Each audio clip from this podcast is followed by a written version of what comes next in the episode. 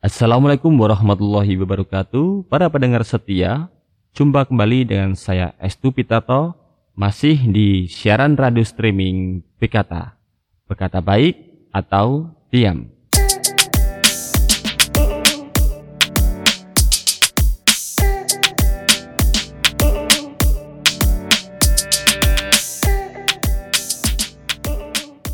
Sobat pendengar sekalian, pada kesempatan kali ini saya akan menyampaikan sedikit mengenai berpuasa di bulan suci Ramadan di tengah wabah COVID-19 ini. Kita tahu bahwa puasa merupakan salah satu rukun Islam yang wajib kita laksanakan bagi umat Islam. Namun ketika terjadi wabah COVID-19 ini, tentu kita merasakan ada sesuatu yang berbeda jika tahun yang lalu kita masih bisa merasakan sholat taraweh bersama di masjid, nah pada tahun ini kita dianjurkan oleh pemerintah untuk melakukan ibadah taraweh di rumah saja. Jadi ada jargon di rumah saja itu selain belajar di rumah saja, kemudian e, bekerja di rumah saja. Dan saat ini kita diharapkan untuk bisa sholat di rumah saja. Bukan berarti kita ngapa-ngapain gitu ya. Tetapi memang yang paling membahayakan atau yang perlu dikhawatirkan pada virus COVID-19 ini bukan pada penyakitnya itu sendiri namun pada penyebarannya. Karena kita tahu bahwa kadang orang sehat pun bisa menjadi pembawa dari virus tersebut. Dan dikhawatirkan ketika kita melakukan sholat berjamaah bersama-sama di musola ataupun masjid kemudian orang di sebelah kita atau teman di sebelah kita itu terkena penularannya melalui uh, mungkin dari air ludah yang kita keluarkan secara nggak sengaja ketika kita membaca gitu kan kemudian apakah mungkin menempel pada baju kita sedangkan baju kita di sana sudah ada tertempel nih uh, virus COVID-19 yang sangat kecil ukurannya. Nah, kemudian orang tersebut terpapar atau terkontaminasi. Nah, pada saat orang yang terkontaminasi tersebut imun tubuhnya berkurang, nah mulailah terjangkit virus COVID-19 di dalam tubuh orang tersebut. Nah, makanya yang perlu dikhawatirkan itu adalah penyebarannya gitu kan. Ya kadang kalau kita merasakan ah aku sehat nggak masalah ah bukan masalah itunya saudara-saudara sekalian uh, masalahnya adalah pada penyebarannya ini gitu kan. Nah baik.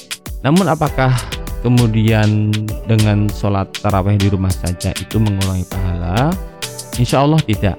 Jadi uh, ketika kita melakukan ibadah sholat taraweh di rumah kita masih tetap bisa berjamaah kok jadi kita bisa berjamaah dengan keluarga kita dengan istri dengan anak-anak kita dan justru di situlah kita bisa mempersiapkan atau bisa kembali mempererat sholat berjamaah kita di rumah itu kan nah permasalahannya adalah ketika kita sebagai kepala keluarga menjadi seorang imam nih nah ini menjadi evaluasi bagi kita bersama apakah memang bacaan yang kita hafalkan pada saat ini harus ditambah ataukah tidak. Nah, di sinilah tantangannya.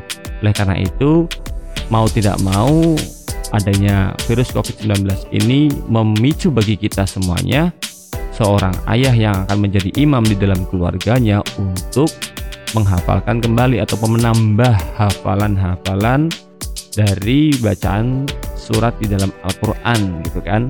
Dan bacaan itu bisa kita gunakan ketika kita menjadi imam sholat isya berjamaah dan sholat taraweh.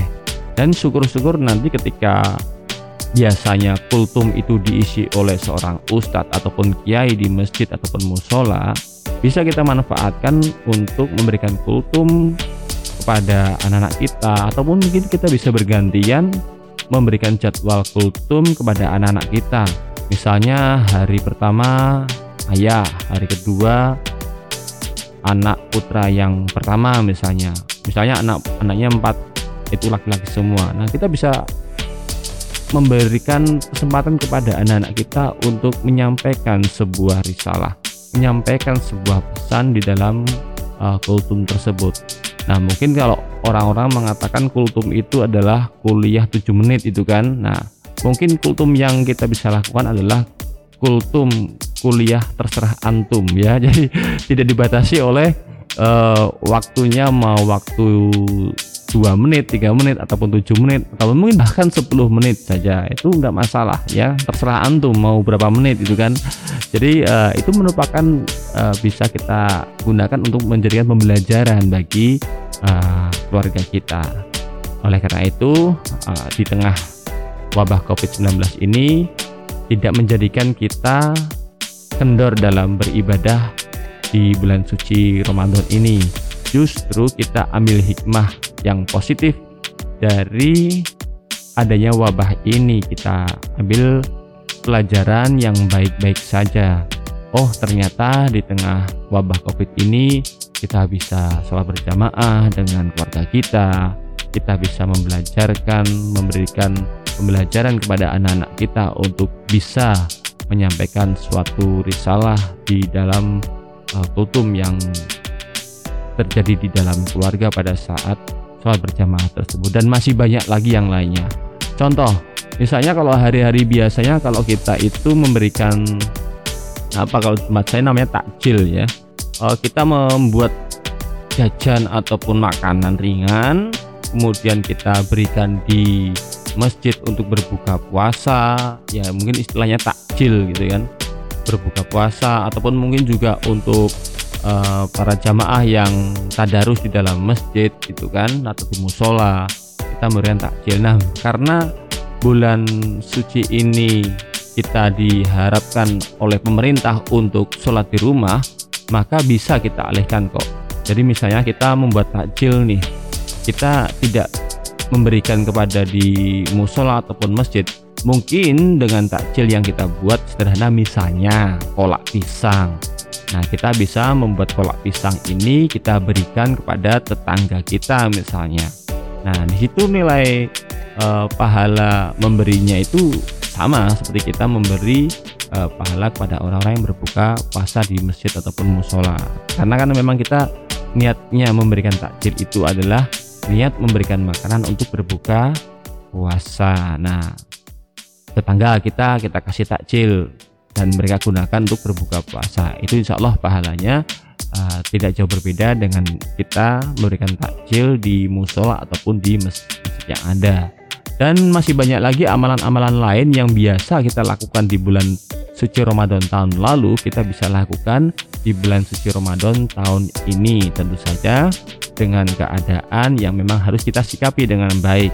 Kita uh, siasati ya. Kita siasati dan insya Allah itu tidak akan mengurangi nilai-nilai pahala yang kita lakukan dalam menjalankan ibadah puasa ini. Baiklah rekan-rekan sekalian itu saja yang bisa saya sampaikan. Selamat menunaikan ibadah puasa. Semoga di bulan puasa tahun 1441 Hijriah ini kita mencapai kemenangan, kita mendapatkan keberkahan di bulan suci yang penuh rahmat ampunan ini. Tetap semangat dan terus berkarya. Wassalamualaikum warahmatullahi wabarakatuh.